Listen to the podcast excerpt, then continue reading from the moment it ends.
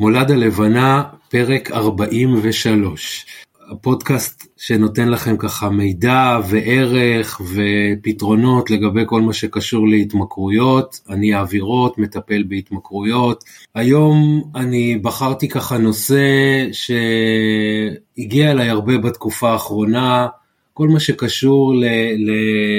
כאבים רגשיים נקרא לזה ככה, עוד מעט נגדיר את זה קצת יותר ונדבר על זה קצת יותר uh, בפירוט. איך מתמודדים עם רגשות ובעיקר איך מתמודדים עם רגשות שליליים.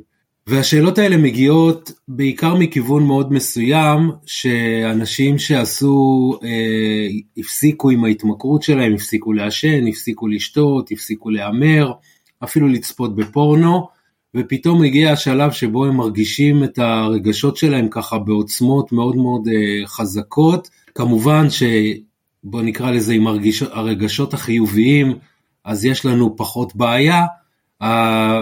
איפה שהם כן מוצאים את עצמם מתמודדים עם בעיה זה יותר במובן הזה של הרגשות השליליים.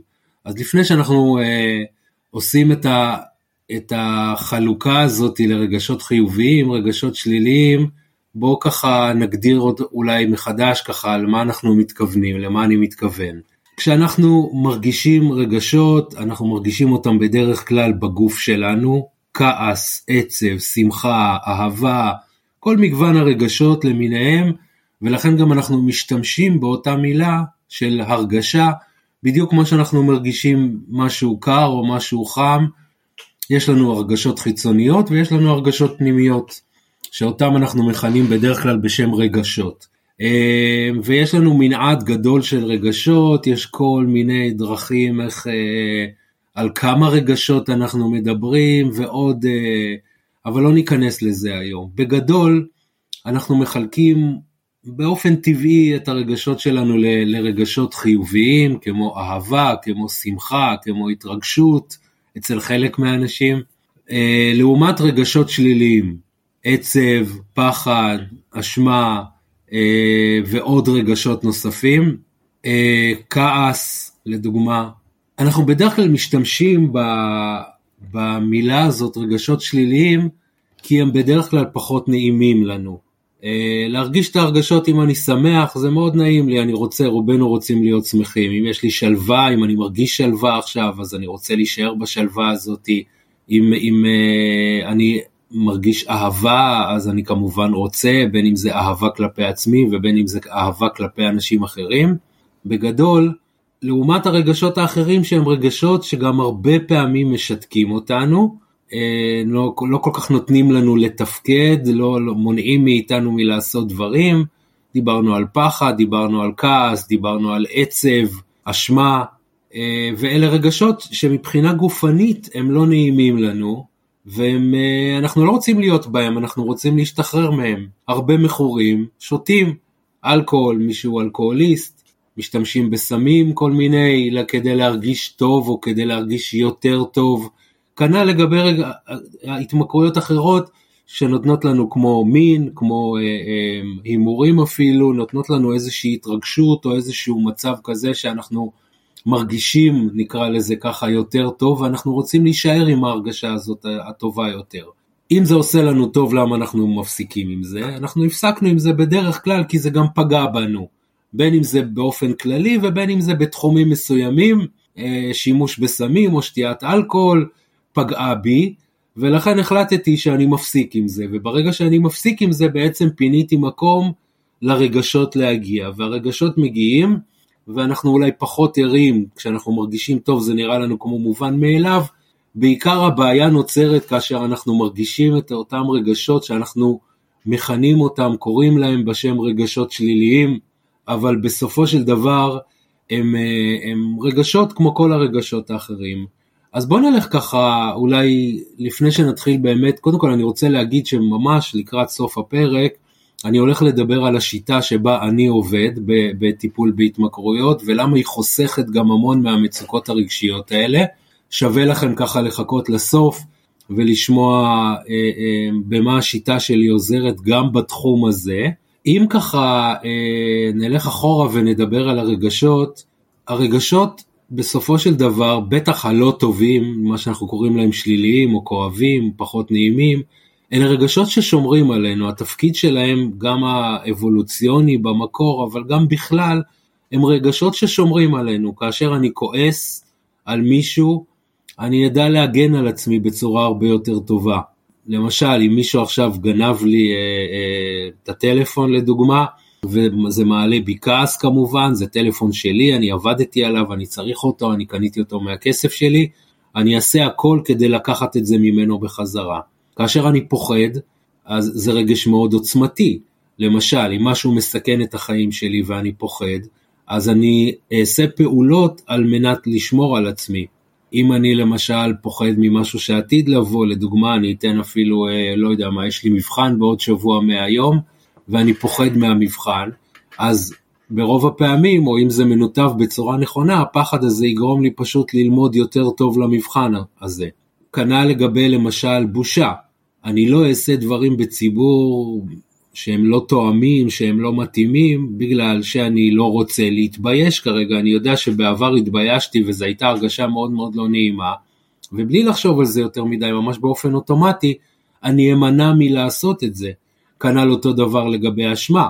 אשמה היא זאת שתמנע מאיתנו לעשות דברים לא טובים, כי אנחנו יודעים שאחריהם אני ארגיש רגשות אשמה. בן אדם אומר, אני לא אעשה, לא יודע מה, אני לא, לא אתן מכות למישהו, כי זה, אה, אחר כך אני ארגיש אשם בזה. אני לא אפגע במישהו אחר, כי אחר כך אני ארגיש אשם. אז זה מונע ממני מ- מלפגוע באנשים. ואולי בעבר כן עשיתי משהו כזה והרגשתי את אותם רגשות אשמה, ו- ובאמת הרגשתי מזה לא טוב, ודרך אגב, באמת הרגשות האלה יכולים להיות מאוד מאוד עוצמתיים, עד כדי מצב שבו הם, הם פשוט כואבים לנו, ולכן הם יגרמו לנו להימנע.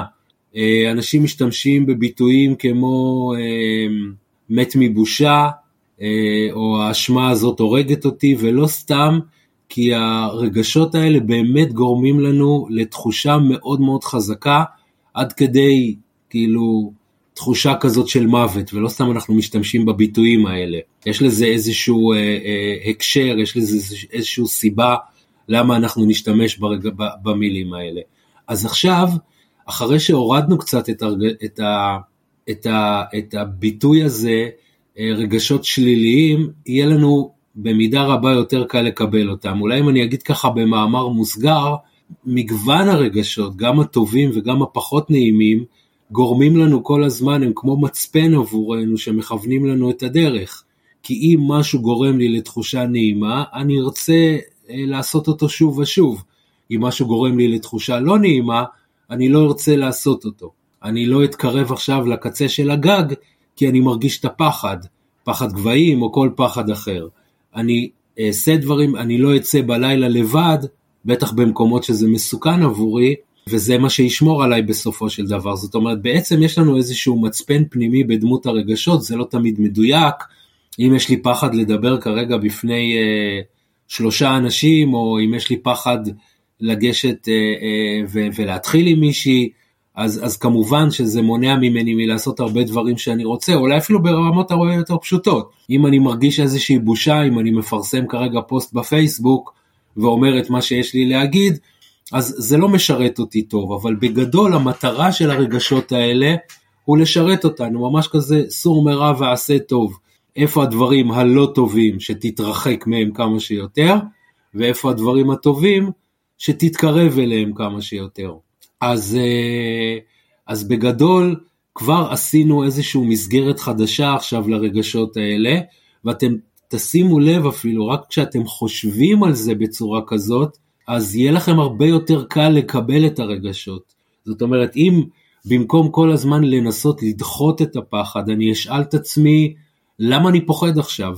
אה, כי יש לי מבחן בעוד כמה ימים? אוקיי, מה עושים עם זה עכשיו? איך אני מתקן את זה, ואם אתם תשימו לב שאתם כן נותנים את המקום לרגש הזה, ואתם כן אפילו יוצאים ממנו לפעולה, אז הרגש עובר. הוא כמו איזה דפיקה בדלת כזאת שבאה לעורר אותי למשהו, להגיד לי משהו, לתקן אותי במשהו. אם אני לא נשמע אליו, הדפיקות הולכות ונהיות חזקות יותר, ככל שאני כאילו מתאמץ להדחיק את הרגשות האלה יותר, הם בעצם יהיו עוצמתיים יותר. אבל אם אני אדע לקבל אותם, אני אדע שהם חברים טובים שלי בדרך, לא פחות מאשר הרגשות הנעימים ואולי אפילו יותר. כי להרגיש נעים זה סוג של, אה, אני אומר את זה במרכאות, אבל זה, זה סוג של איזה אקסטרה כזה, זה פריבילגיה. אבל לא להסתכן, לא לשים את עצמי במקומות מסוכנים או לא לעשות דברים שאסור לי לעשות, זה ממש חיוני לחיים שלי, לפעמים אפילו להישרדות שלי. אני רוצה ככה פה במאמר מוסגר, ואני חושב שזה ימחיש את זה בצורה הרבה יותר טובה, על, יש תסמונת כזאת פיזית, הרי השוויתי מקודם את הרגשות ל, לרגשות שאנחנו מרגישים גם מבחוץ לגוף, אז פה אני, אני אשווה את זה אולי קצת לכאבים פיזיים שאנחנו מרגישים. אף אחד מאיתנו לא אוהב כשכואב לו הראש, אף אחד לא מאיתנו אוהב כשכואבת לו האוזן. יש תסמונת כזאת שבה אנשים נולדים בלי כאבים בכלל, זאת אומרת לא יכאב להם כלום, לא כואב להם כלום אף פעם, כל חייהם. ועל פניו זה איזה סוג של ברכה כזאת, זאת אומרת איזה כיף זה שאף פעם לא יכאב לי הראש, איזה כיף זה שאף פעם לא יכאב לי הגרון.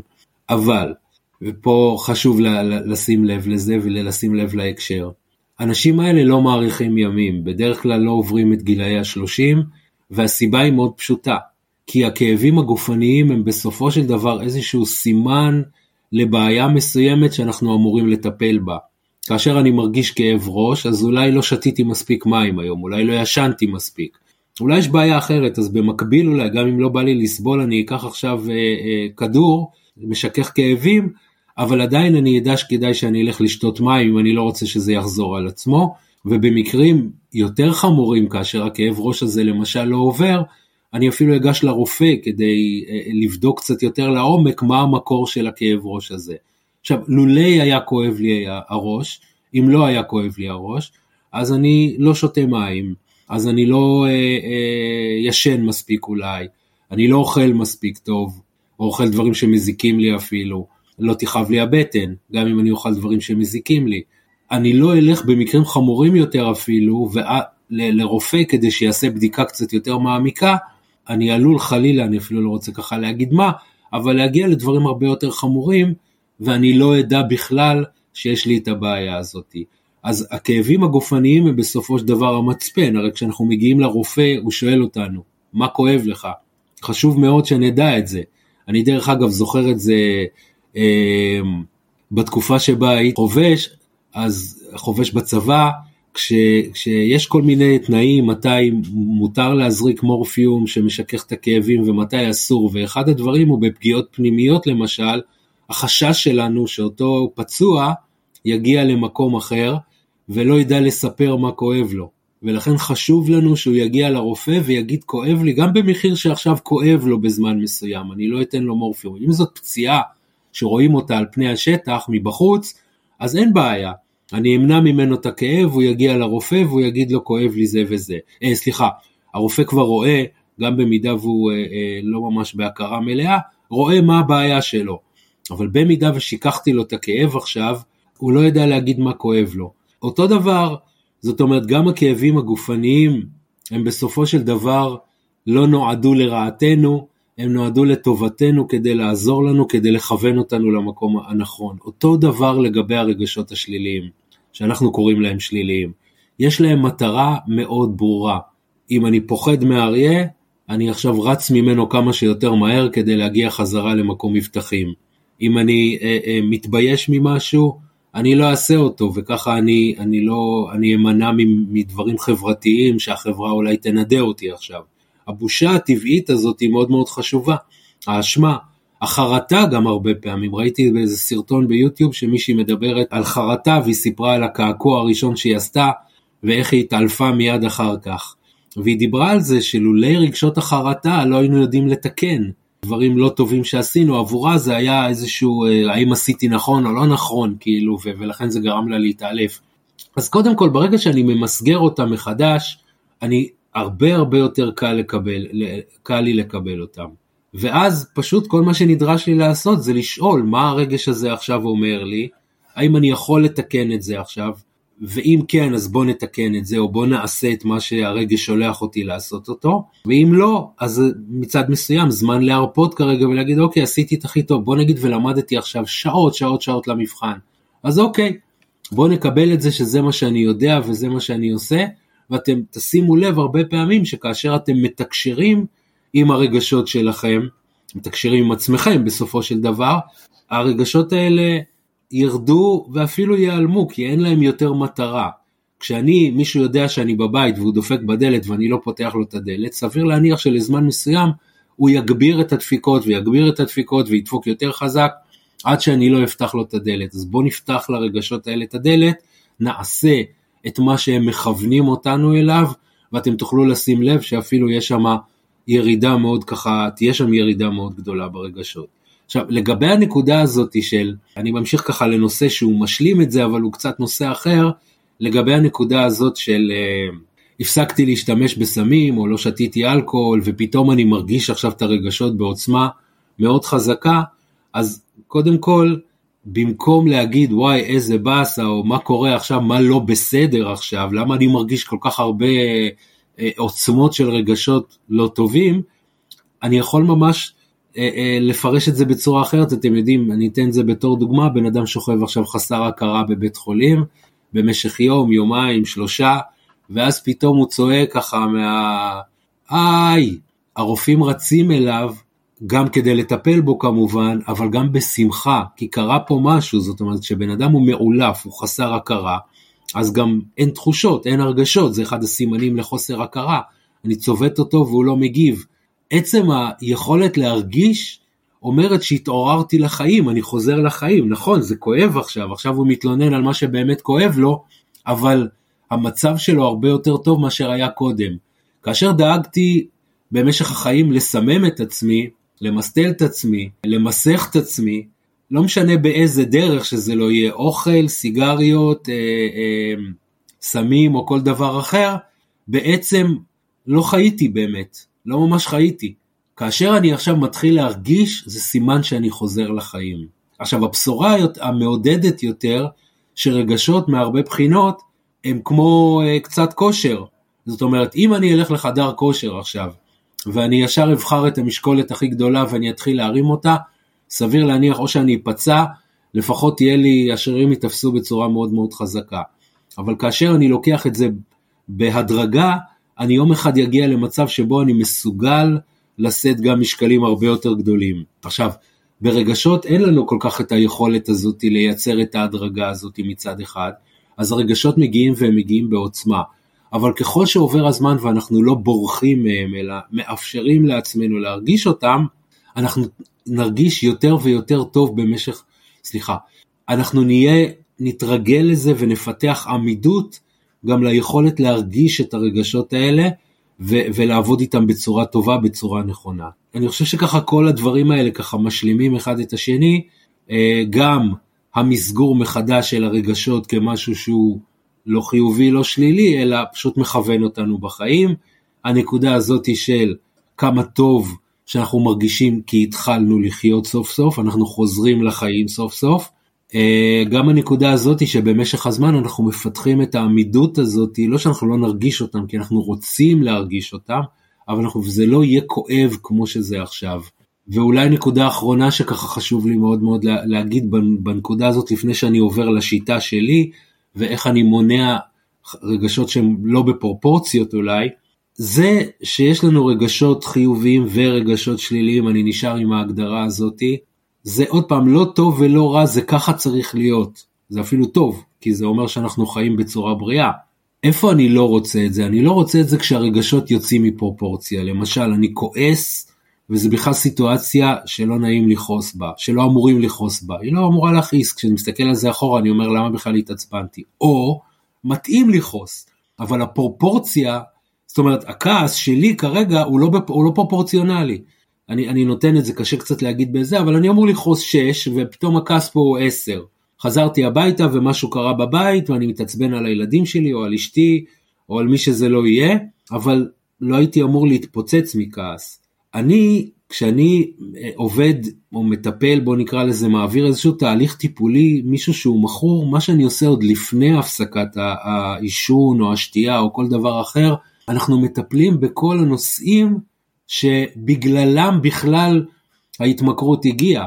זאת אומרת ההתמכרות נוצרה כי היה לי צורך לברוח מאיזושהי בעיה אחרת, משורש אחר של בעיה. אם אתם רוצים את זה קצת יותר בהרחבה, אז יש פרקים שהתעסקתי ב, ב, בנקודה הזאת. כשאני מטפל בשורשים של הבעיות, ועוד פעם, השורשים של הבעיות יכולים להיות טראומות, כמובן גורמות הרבה פעמים לרגשות מאוד מוקצנים, כל מיני אמונות שאנחנו מסתובבים איתן מגילאים מאוד צעירים, אני אתן את זה בתור דוגמה קטנה, אם אני מרגיש שאני לא שווה, אז כמעט כל דבר ירגיש לי כמו השפלה, ואז אני אתעצבן, ואז אני אכעס, ואז אני אעשה אה, כל מיני דברים, או הפחד יהיה יותר עוצמתי, זאת אומרת, אם אני מרגיש שאני לא שווה ואני צריך כרגע להקליט פודקאסט עכשיו, ומתחילות לי כל המחשבות של למה אני עושה את זה, מה אנשים ישמעו בכלל, למי זה שווה, יש אלף כמוני, מה מיוחד, פחד יגיע בצורה הרבה יותר חזקה. אולי גם רגשות אשמה שלא קשורים אם אני ישר מפיל על עצמי כל מיני רגשות. כאשר אני יודע לטפל בבעיות השורש קודם, וזה מה שאני עושה, אני הרבה פעמים כשבן אדם מגיע אליי לתהליך, אני אומר לו בהתחלה, תשמע, קודם כל, הפתרון שמצאת עד היום היה הפתרון הכי טוב שיכולת למצוא עד עכשיו, ו- וטוב שמצאת אותו. מצד אחד, אבל מצד שני אני רוצה להציע לך פתרונות או לפתור את הבעיות ואז לא תצטרך את הפתרון הזה שהוא בעייתי עבורך. ואז אנחנו מטפלים בטראומות, ואז אנחנו מטפלים בכל אמונות הבסיס האלה שיושבות אצלנו כמו אני לא שווה, אני לא מספיק טוב וכולי. ואז הרבה פעמים אנחנו עושים גם איזשהו תהליך של ניקוי רגשי, ניקוי של כעס, ניקוי של אה, אה, אשמה, ניקוי של פחד, עצב, כל מיני תחושות כאלה שאנחנו מסתובבים איתם, לא בשביל שלא נרגיש כעס או פחד או עצב, אלא בשביל שנרגיש אותם במקומות הנכונים ובמידה הנכונה. מה שקורה עכשיו, שיותר קל לבן אדם, לאותו אה, אדם, לצאת ולהפסיק עם ההתמכרות שלו, כי בעצם הבעיות השורשיות שהן בגללם הוא התחיל לעשות את זה כבר לא קיימות. אני אעשה ככה סיכום, דיברנו בסוף ככה על השיטה שלי ועל איך היא מונעת בעצם את, ה, את הרגשות הלא פרופורציונליים והלא מתאימים. דיברנו על מסגור מחדש של רגשות, לא כשליליים או חיוביים, אלא פשוט כמורי דרך. דיברנו על לאמץ את הדברים האלה ולפעול בהתאם למה שהרגש דורש ממני ואז להוריד אותו, ודיברנו גם על הנקודה הזאת ש... ככל שיעבור הזמן אני אפתח אה, אה, יכולת לשאת את הרגשות האלה ולהתמודד איתם בצורה טובה. אז אם כבר יצאתם לדרך עם ההתמכרות שלכם, אני באמת ככה מעריך אתכם וכל הכבוד לכם ואני מקווה שזה עוזר לכם. אם לא יצאתם לדרך עדיין, אני מקווה שבקרוב תדעו לעשות את הצעד הזה ומאחל לכם בהצלחה לכולכם בדרך. תודה לכם שהאזנתם עד כאן לפרק. אתם כמובן מוזמנים לפנות אליי גם בשאלות, גם בהערות, ואני אשמח גם לקבל פידבקים על, ה, על הפודקאסט, חשוב לי מאוד. תיאור של הפרק, יש את הדרכים להגיע אליי, כולל מספר הוואטסאפ שלי, אז באמת תרגישו חופשי לפנות. אני אשמח לעזור ככל האפשר, ואנחנו נתראה בפרקים הבאים של מולד הלבנה.